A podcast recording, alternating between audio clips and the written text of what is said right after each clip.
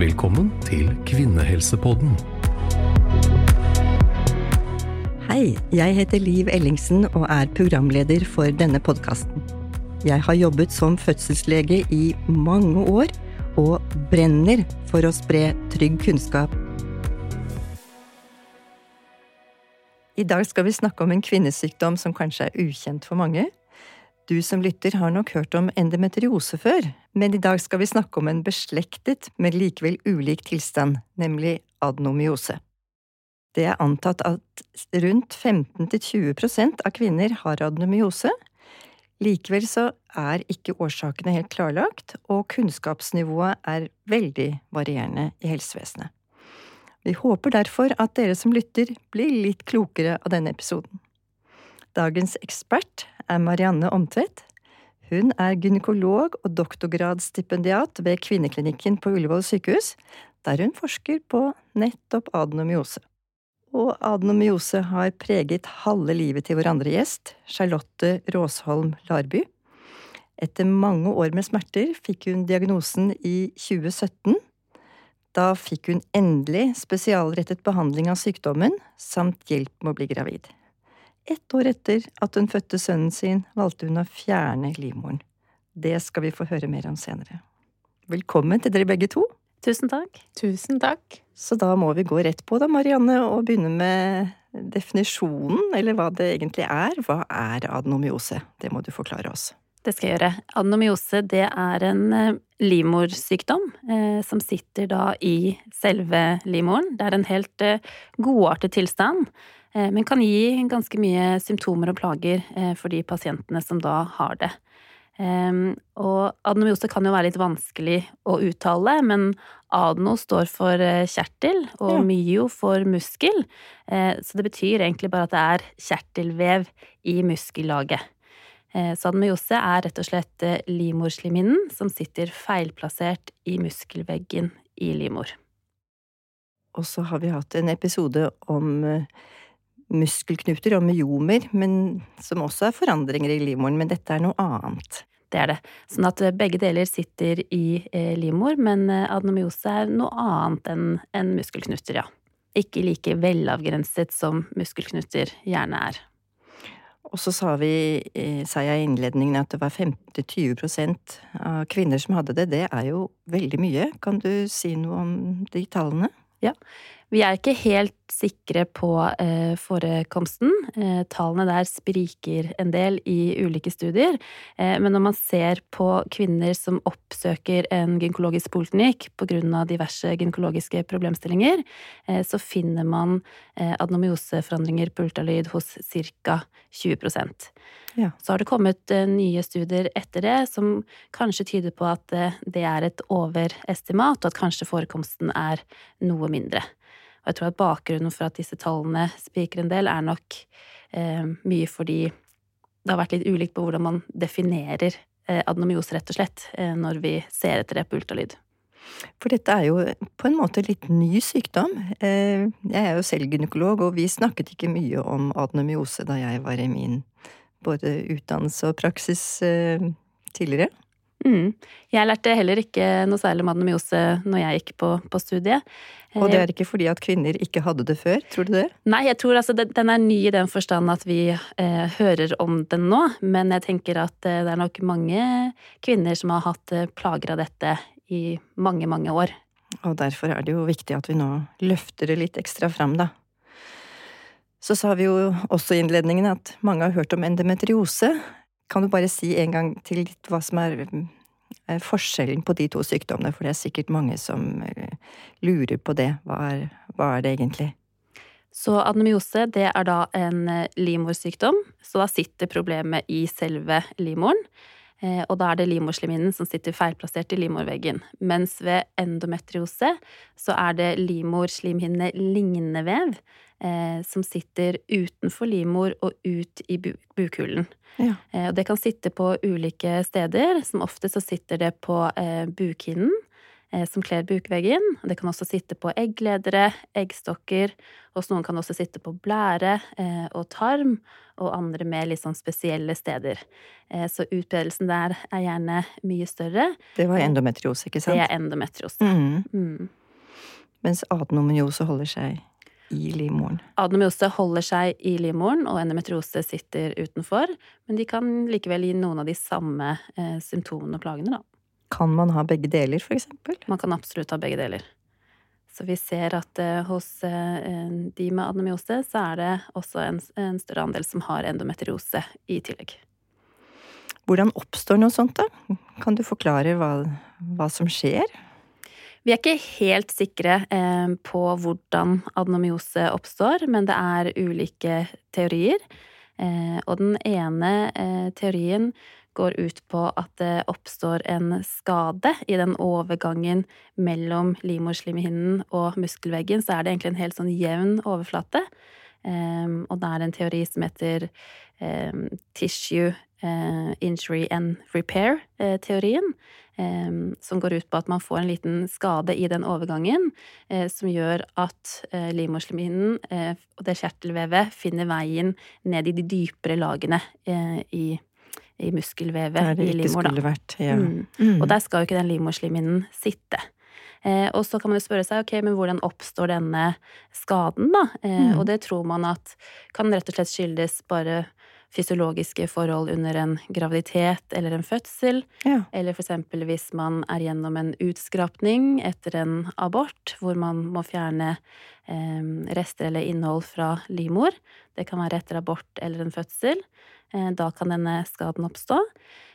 Så det kan forklare eh, noe av det. Eh, men samtidig så ser vi også hos noen pasienter at adenomyose ikke bare sitter i den overgangssonen mellom livmorslimhinnen og muskellaget, det kan også sitte dypere i veggen. Eh, så da er spørsmålet hvordan kommer da vevet dit? Mm.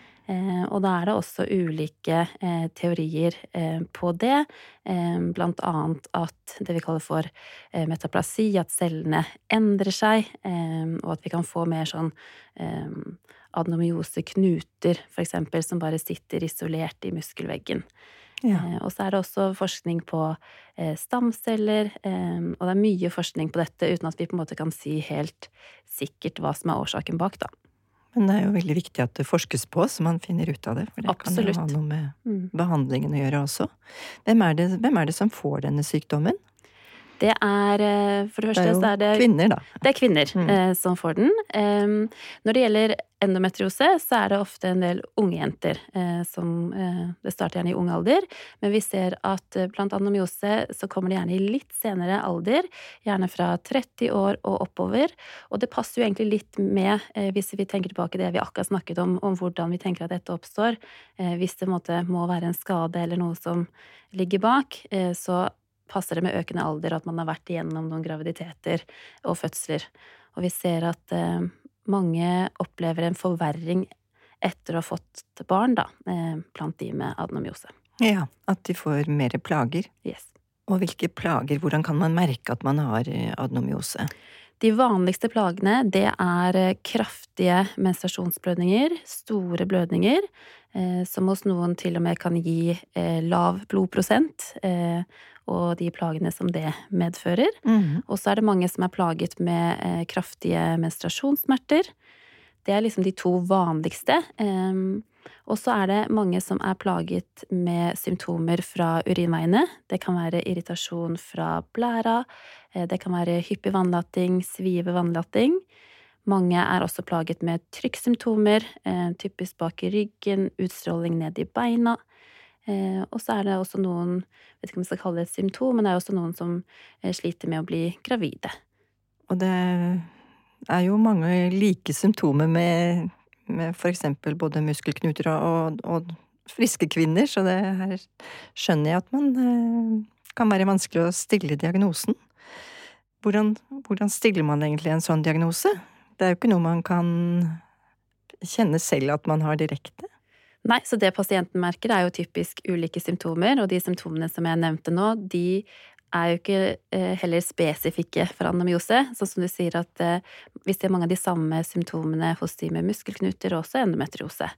Men i hvert fall når pasienten har disse plagene, oppsøker lege, blir henvist gynekolog, så gjør gynekologen en gynekologisk undersøkelse, og vi bruker også da vaginal ultralyd, hvor vi kan se veldig godt på hele livmoren.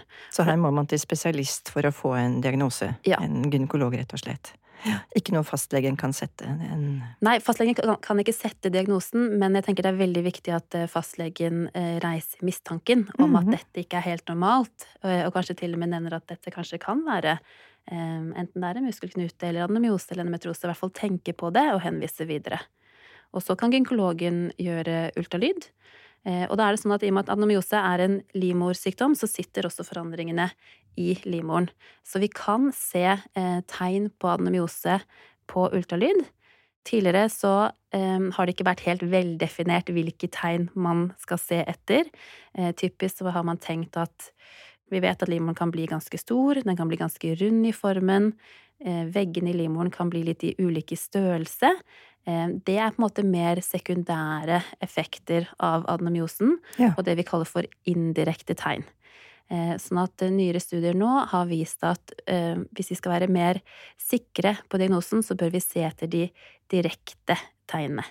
Og det kan blant annet være små syster i, i muskelveggen.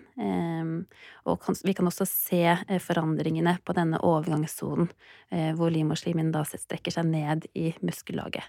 Det er klart at det krever en del erfaring eh, av den gynkologen som undersøker også. Du må på en måte vite hva du skal se etter for å både reise mistanke og kunne sette en diagnose. Og mange ganger så har vi rett og slett bare en mistanke, og kan ikke si helt sikkert om pasienten har adenomyose eller ikke. Og i og med at det er en på en måte litt nyere sykdom, så er det kanskje ikke alle som er like gode på det, som eh, ikke har jobbet så mye med det. Nei. Så mm, er det kanskje viktig å, å velge de fagpersonene man skal gå til. Vil du si at det er viktig å få satt eh, en sånn diagnose? Når det er så mange som har det, kan det bli for mye fokus på å lete etter feil, på en måte? Er det viktig å få denne diagnosen? Jeg tenker at uh, har man symptomer og plager, så for de fleste pasienter så er det jo selvfølgelig viktig å få en uh, diagnose. Jeg tenker Eh, man skal også være forsiktig med å sette denne diagnosen på veldig unge jenter, fordi vi vet at disse symptomene ikke nødvendigvis er ensbetydende med adenomyose.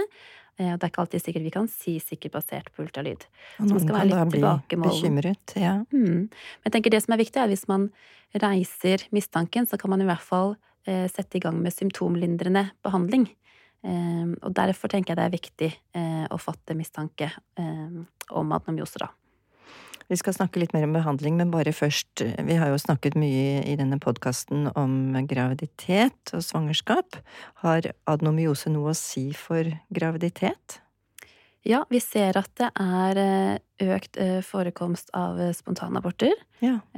hos de som har adenomyose. Det kan rett og slett være en årsak til at egget ikke fester seg? Ja. Og vi ser også at eh, det kan bli en annen plasentering, som vi kaller det. At når embryoet eh, fester seg i livmorslimhinnen, at det kan skje en feil der. Og det er også gjort studier på eh, det vi kaller for obstetriske utfall. Da.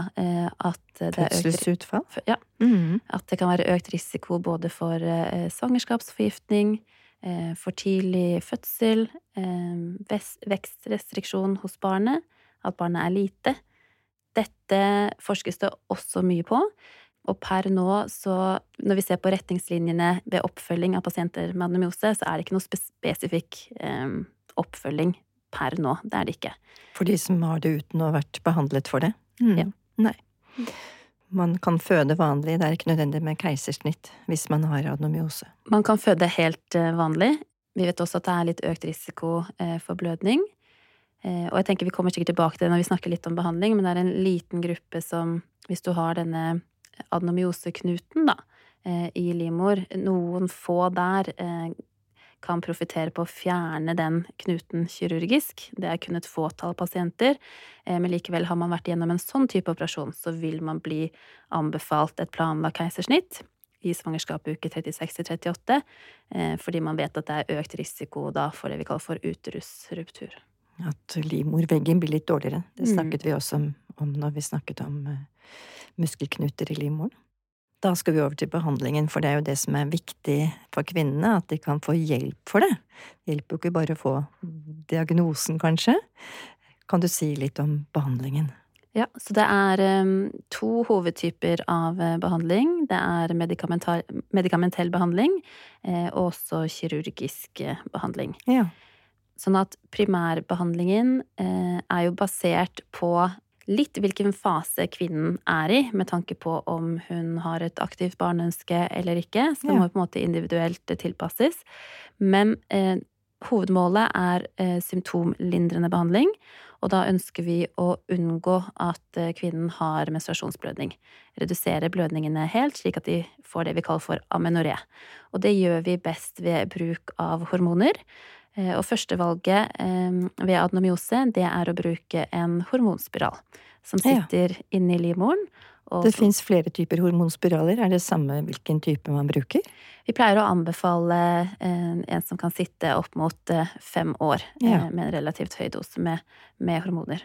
Da kan den bare sitte der, og så får man hjelp for mm, både blødningene og smertene? Ja. Det -hmm. hjelper mest på blødningene, men vil også hos mange ha noe effekt på, på smertene. Eh, så det er førstevalget. Og så er det en del eh, pasienter som har god effekt av det vi kaller for GNRH-analoger. Det står for et eh, litt vanskelig navn, men gonadotropinfrigjørende hormon. Og det påvirker egentlig rett og slett produksjonen av østrogen i eggstokkene. Så vi ønsker å slå ned hormonene? Ja, vi ønsker mm. å, å nedregulere helt. Eh, det er det mange pasienter som har god effekt av hva gjelder blødninger, men også smerter. Problemet er at eh, den type behandling Det som egentlig skjer, er at man setter pasienten i en eh, kunstig overgangsalder med da en del andre plager som dukker opp. Så der må vi alltid vurdere, og det er sjelden anbefalt at man skal stå på det så veldig lenge av gangen. Men hos noen pasienter så har det god effekt.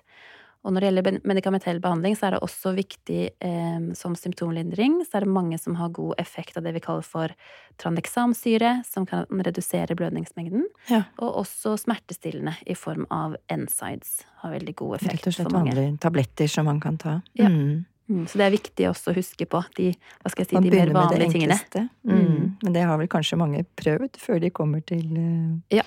en spesialist. Mm.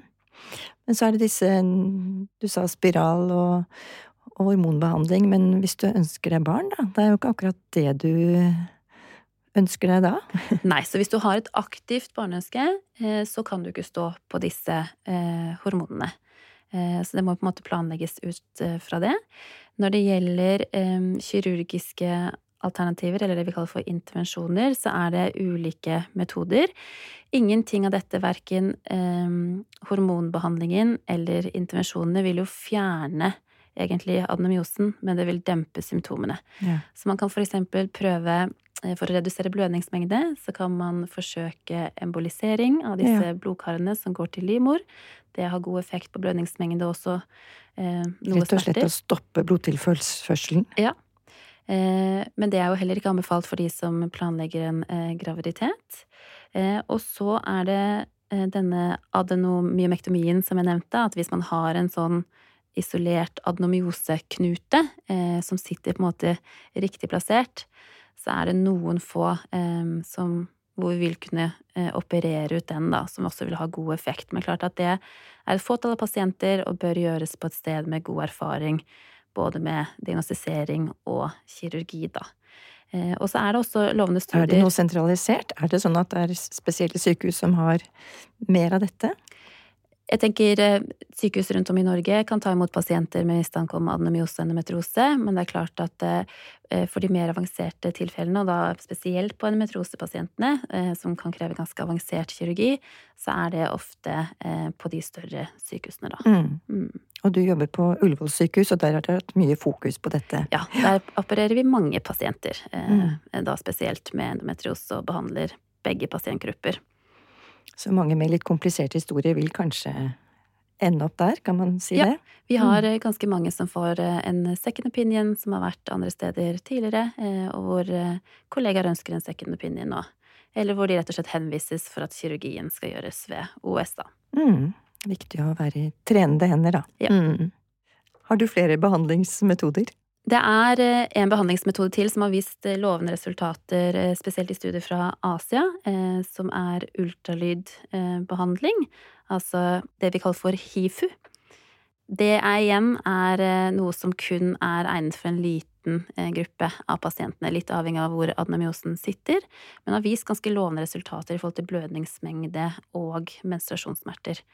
Så per nå så er ikke det et behandlingstilbud i Norge, Eh, men det vil kanskje kunne komme etter hvert. Det høres jo litt snillere ut med ultralydbehandling enn eh, kirurgi. Mange velger også å rett og slett fjerne livmoren for å bli kvitt hele sykdommen. Ja, det er det. Eh, fjerning av livmor, som vi også kaller for hysterektomi, det er jo en endelig og ganske effektiv behandling for de som har adenomyose. Men det er klart at eh, det er jo en behandling som kun de som på en måte er ferdig med, eh, eller ikke har videre barneønsker, da, eh, som kan gjennomføre. Og vi ser at mange pasienter har god effekt av fjerning av livmor når de har anomyose. Mange har også endometriose i tillegg, og da er det jo viktig at det endometriosevevet også fjernes for å få god nok effekt. Eh, det jeg ønsker bare å kommentere der, er at eh, når man har hatt disse plagene over veldig lang tid, så vil jo eh, fjerning av livmor og fjerning av eventuelt endometrosevev gi en bedring for mange, men det er klart at det vil nok for mange også ikke fjerne alle smertene. En del er fortsatt plaget med en del også kroniske smerter etter kirurgi. Så noe helt hokus pokus er det ikke nødvendigvis? Nei, men heldigvis så har mange god effekt. Og siden du sa at mange vil få denne diagnosen litt sent i livet, så, så kan det faktisk være god hjelp for mange. Absolutt. Mm. Mm -hmm. Og det er det eneste vi har som faktisk fjerner adenomyosen helt. Så er det jo helt tydelig at her trenger vi forskning, Marianne. Og du gjør jo nettopp det. Du forsker på adenomyose. Kan du fortelle litt om ditt forskningsprosjekt? Ja. Så det jeg forsker på, er Det er todelt. Det ene er ultralyddiagnostikk av adenomyose. Eh, og det andre er eh, livskvalitet etter fjerning av livmor. Eh, når det gjelder den ultralyddiagnostikken, så prøver vi å se på hvilke tegn eh, det er vi kan stole på eh, når vi skal sette diagnosen adenomyose. Så der er vi eh, Det er en multisenterstudie, fire sykehus, hvor vi til sammen har sett på over 500 pasienter. Så det er en av verdens største studier på akkurat dette. Og da har vi gjort en ekstra ultralydundersøkelse av pasienter som skal til planlagt fjerning av livmor.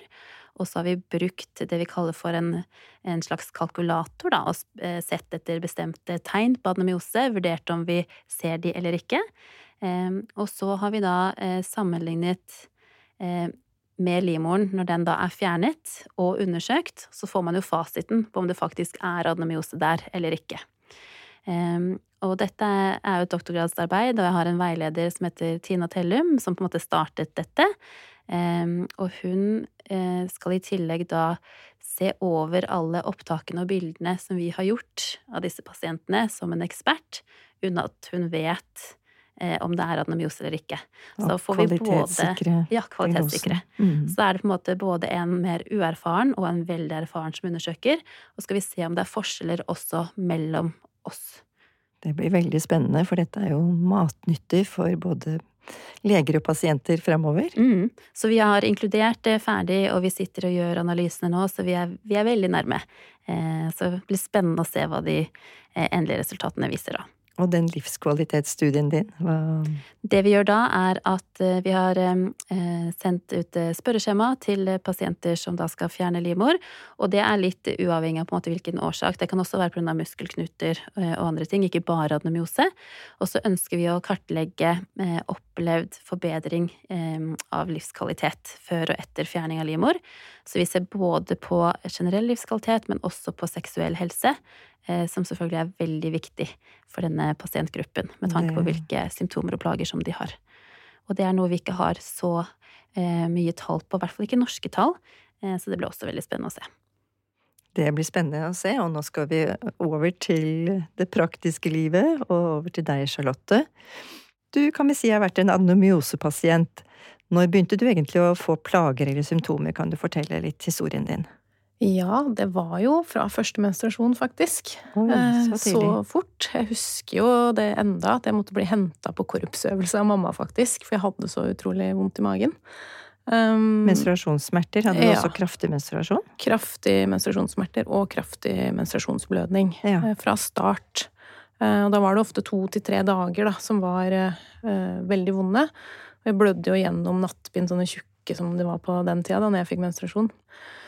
Eh, Ble jo sliten, um, og så blei det egentlig mer og mer smerter jo eldre jeg blei. Litt sånn som Marianne kanskje beskrev. Eh, Fikk eh, plager med urinering, jeg hadde mye symptomer på urinveisinfeksjon og fikk en del antibiotikakurer mot det. Og ja Som du nå tenker etterpå at det var den adenomyosen som ga deg de plagene? Ja, for det Mm. var ikke alltid det var så stort utslag på de urinprøvene. På bakterier? Nei, men på grunn av at jeg hadde en del symptomer, da, så valgte legen å gi antibiotika likevel. Mm.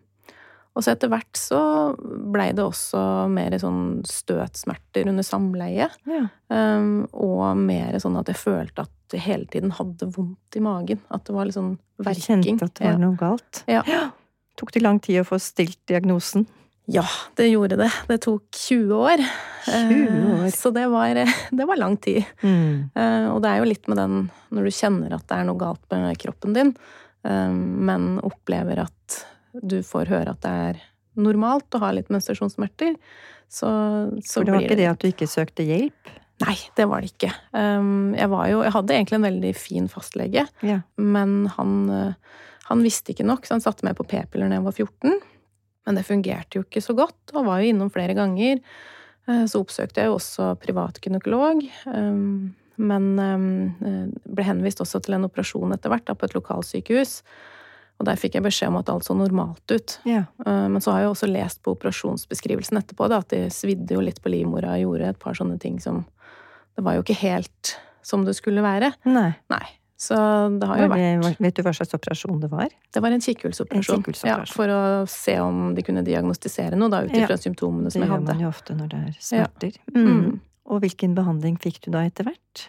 Etter hvert så hadde jeg Jeg har en søster som også har endometriose og adenomyose. Ja. som tok kontakt med Endometrioseforeninga.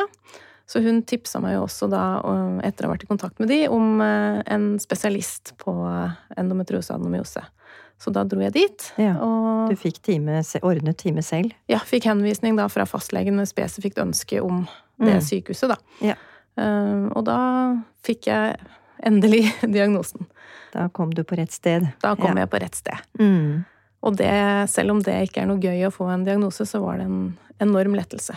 Ja, Da virkelig. skjønte du hva symptomene dine var, om ikke annet? Ja. Ja, og så kunne jeg også da For når du går og er dårlig, og du er ung, og du føler at du burde ha energi, du føler at du burde orke det andre gjør, um, men ikke gjør det, så gir det deg også en litt sånn derre Kanskje en litt skamfølelse Ja. uh, over å ikke strekke til. Um, og da prøver man kanskje å presse seg litt mer. Men når jeg da fikk diagnosen, så kunne jeg begynne å ta ordentlig hensyn til meg sjøl med litt mer god samvittighet, da. Mm. tror jeg mange kan kjenne seg igjen i. Mm. Ja. Hvordan var det med barn? Hadde du partner? Ønsket du barn på den tiden? Eh, ja, altså prøvde jo en stund eh, på å få barn, eh, men jeg visste jo også at når jeg hadde fått diagnosen, så når jeg da skulle prøve å få, at jeg ville, tok jeg en kontakt med en spesialist i forhold til hvordan vi kunne gå fram. Mm. Eh, For jeg hadde jo prøvd, og så gikk det ikke, og så når jeg skulle prøve på nytt, så tenkte jeg at nå må jeg diskutere hvordan dette skal gjøres. Yeah. Um, og da, under den eh, timen, så ble det også oppdaga at jeg hadde endometriose. Ja. Og da ble det anbefalt å ta en operasjon før jeg skulle bli, prøve å bli gravid. Ja. Og En da, ny sånn kikkhullsoperasjon? ja, Mm. og da fjerna de en del endometriose, og så sa kirurgen også at det var mye adenomyose. Ja. Så anbefalte meg da å stå på Prokren, Ja. um, en medisin som da kunne krympe adenomyosen i livmoren da, før Mm. jeg skulle prøve å bli gravid. Ja. Før, før du skulle bli gravid? Ja. Mm. Og det gjorde du? Det gjorde jeg, og så fikk jeg assistert befruktning, da. Så mm, var oppe i Trondheim og fikk hjelp. Eh, Litt sånn kronglete med hormonene i starten, men eh, ved første innsett da, så ble jeg gravid. Så det var et mirakel. Først skal man da slå de ned, og så skal man ha de opp igjen? Ja. Ikke helt enkelt. Nei, så det var, eh, det var jo en prosess, det òg, men ja, det var jo verdt det. Ja. Så jeg har jo en sønn på tre og et halvt år. Så Hadde du normalt svangerskap og fødsel? eh, jeg hadde ganske mye plager i svangerskapet, men det trenger ikke nødvendigvis å skyldes eh, adenomyosen. Eh, det kan være andre ting. Mm. så og fødselen var, var nok normal, men jeg hadde ganske mye smerter de første centimeterne, faktisk. Og så når det liksom kom til åtte, så var det bare Det var deilig nesten, bare å få satt i gang, da. Så Mm. du fødte helt vanlig? Helt vanlig. Mm, Så fint.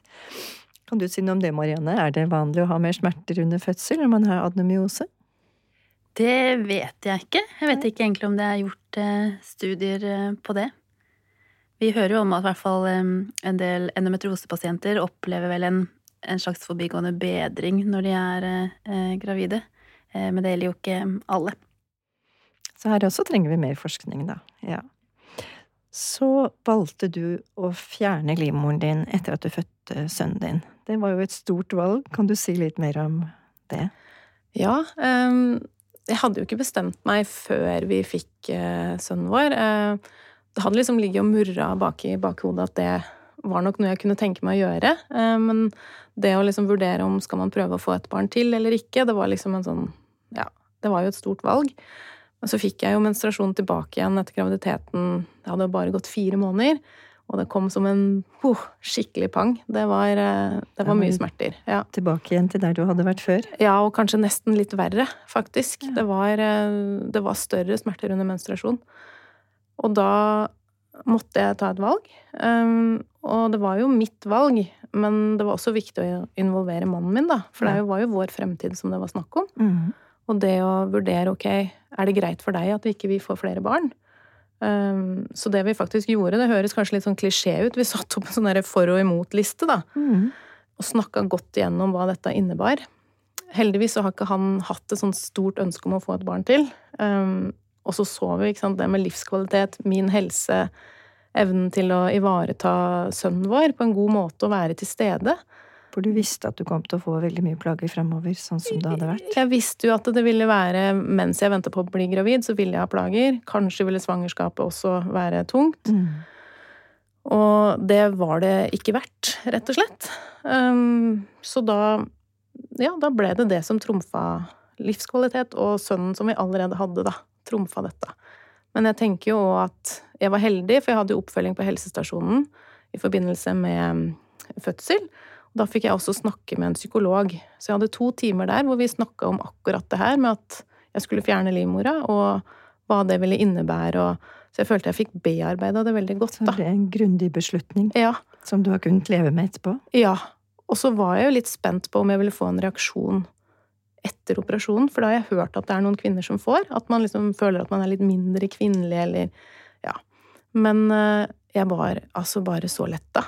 Eh, jeg våkna etter narkosen, og det kjentes ut som om om det var en sånn stor eh, giftklump som var ute av meg, altså. Mm. Rett etter operasjon. Så nei, det har vært det rette valget for meg. Og så er det jo viktig å vite at eh, selv om livmoren er borte, så er eggstokkene igjen, og de produserer jo hormonene, sånn at du er jo like mye kvinne, da. Det er jeg. Og så valgte du faktisk å gi livmoren din til forskning. Kan Ja. du si litt mer om det? Det var et veldig lett valg, eh, for jeg syns jo at det er veldig lite forskning på kvinnehelse. Eh, Så når det først er noe da som blir gjort, så da ønska jeg å bidra. Så, og så er det jo veldig spennende å få muligheten til å være med på det. Og det å vite at man kanskje er med på å endre fremtida til de kvinnene som kommer etter meg, det var også veldig viktig. Så ja, det var et lett valg. Og det var til den studien som Marianne driver, så det var vel eh, du glad for, Marianne? Absolutt. Og så har du også brukt mye tid på å hjelpe andre, og sitter i styret for Endometrioseforeningen. Kan Ja. du si litt mer om det arbeidet der? Det er jo en eh, frivillig organisasjon som prøver å hjelpe kvinner med endometriose og adenomyose. Um, Så vi jobber for å bedre helsetilbudet, og vi er en forening som har en likepersonstjeneste, eh, hvor det er eh, da kvinner som har, har hatt eh, endometriose eller adenomyose, eller har det, som man kan ta kontakt med. Og snakke med om eh, sine utfordringer, da. Og det kan jo være like viktig som å finne en god lege. Det å få en å snakke med som faktisk har vært gjennom det. Ja, og siden det er eh, en del har jo vært litt kunnskapshull, da. Eh, jeg tror jo helsevesenet er veldig opptatt av å hjelpe pasientene, men så er det noe med det som dere har sagt òg, at man ikke har den kunnskapen får de ikke inn på studiet. Men da er det liksom godt å kunne snakke med noen som vet hva de går igjennom, at det faktisk det kan være noe som ikke er normalt, da. Å bli møtt på en fin måte å få snakka om det, og bli lytta til og trodd på. Mm. Det har vel du erfart også, Marianne, at det kan være godt å ha noen å snakke med som har vært gjennom det, når det er en såpass, eh, ja, man kan jo si litt ukjent sykdom for mange? Mm, absolutt, og vi, vi, merker det at uh, det er et stort behov for uh, informasjon. Uh, så vi pleier også å informere om at Endometrioseforeningen eksisterer, at de har mye god informasjon på sine nettsider, og folk man kan kontakte. Og så ser vi også i større grad det ene er behovet for informasjon, men også det å møte andre. Så nå har vi også ved OS, eh, jeg sammen med Guri Majak eh, og Smerteavdelingen, eh, har laget et pasient- og pårørendekurs for pasienter med endometriose og deres pårørende, som vi nå har kjørt i tre runder med veldig god respons. Så det planlegger vi å fortsette med. Det høres jo veldig viktig ut. Mm. Nå har vi hørt historien din, Charlotte. Eh, Marianne, kan du kommentere det litt? Hun fikk jo plagene veldig tidlig. Er det vanlig? Ja, altså nå har jo Charlotte både endometriose og adenomyose, eh, så det er ikke alltid helt lett å si på en måte hva som skyldes hva, men mange har jo en kombinasjon av disse to.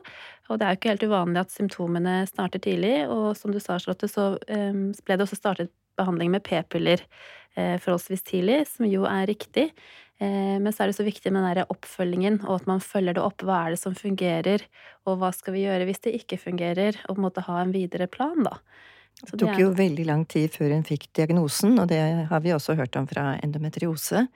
Eh, kan du kommentere det litt? Er det noe vi kan gjøre bedre i helsevesenet? Det er definitivt mye vi kan gjøre bedre. Jeg tenker sånn som 20 år, som du forteller, Charlotte, det er jo ekstremt lenge eh, å gå med plager hvor man ikke er sikker sikker på hva det skyldes, og det er klart å gjøre noe med egne tanker og eget hode eh, når man kontakter helsevesenet og ikke får den hjelpen man trenger. Eh, men jeg tenker mer kunnskap om disse tilstandene, sånn at når disse pasientene tar kontakt, enten det er med helsesykepleier, fastlege, blir henvist videre, eh, at man reiser mistanke om at dette faktisk kan være anomyose eller endometriose, og starter riktig behandling, følger de opp og henviser til kirurgi hvis det er behov for det, da. Det er viktig. Charlotte, har du noe du vil spørre Marianne om? Du har jo eksperten her, da. ja, nei, altså nå har jo jeg snakket litt med Marianne underveis eh, i studien også, så jeg føler vel egentlig jeg har fått eh, veldig gode svar på det jeg uh, har trengt å vite, da. Fått uh, god oppfølging, så egentlig ikke. Veldig glad for at det er noen som ønsker å forske på adenomyose. Mm. Og vi er veldig glad for alle dere som blir med i disse studiene, for klart uten dere så skjer det heller ingenting. Hvis du skulle si noe til slutt, Marianne, om adenomyose til de som lytter på denne podkasten, hva vil du si da? Jeg tenker at det er viktig å vite at det rett og slett er en tilstand eh, som heter adenomyose, og hvilke plager det kan gi. Eh, og at hvis man kjenner noen som har disse plagene, eh, at man eh, snakker med noen om det, eh, blir undersøkt eh, og får den hjelpen man trenger. Det var gode siste ord. Tusen takk til dere for at dere begge har vært med på å belyse denne vanlige, men litt ukjente kvinnesykdommen. Og vi håper jo at det kan være med på at kvinner faktisk får den hjelpen de trenger. Dere kan lese mer om adenomyose på helsenorge.no. Og gi oss gjerne ris eller ros på Instagram-kontoen vår Kvinnehelsepodden. Takk for i dag. Takk for i dag. Takk for meg.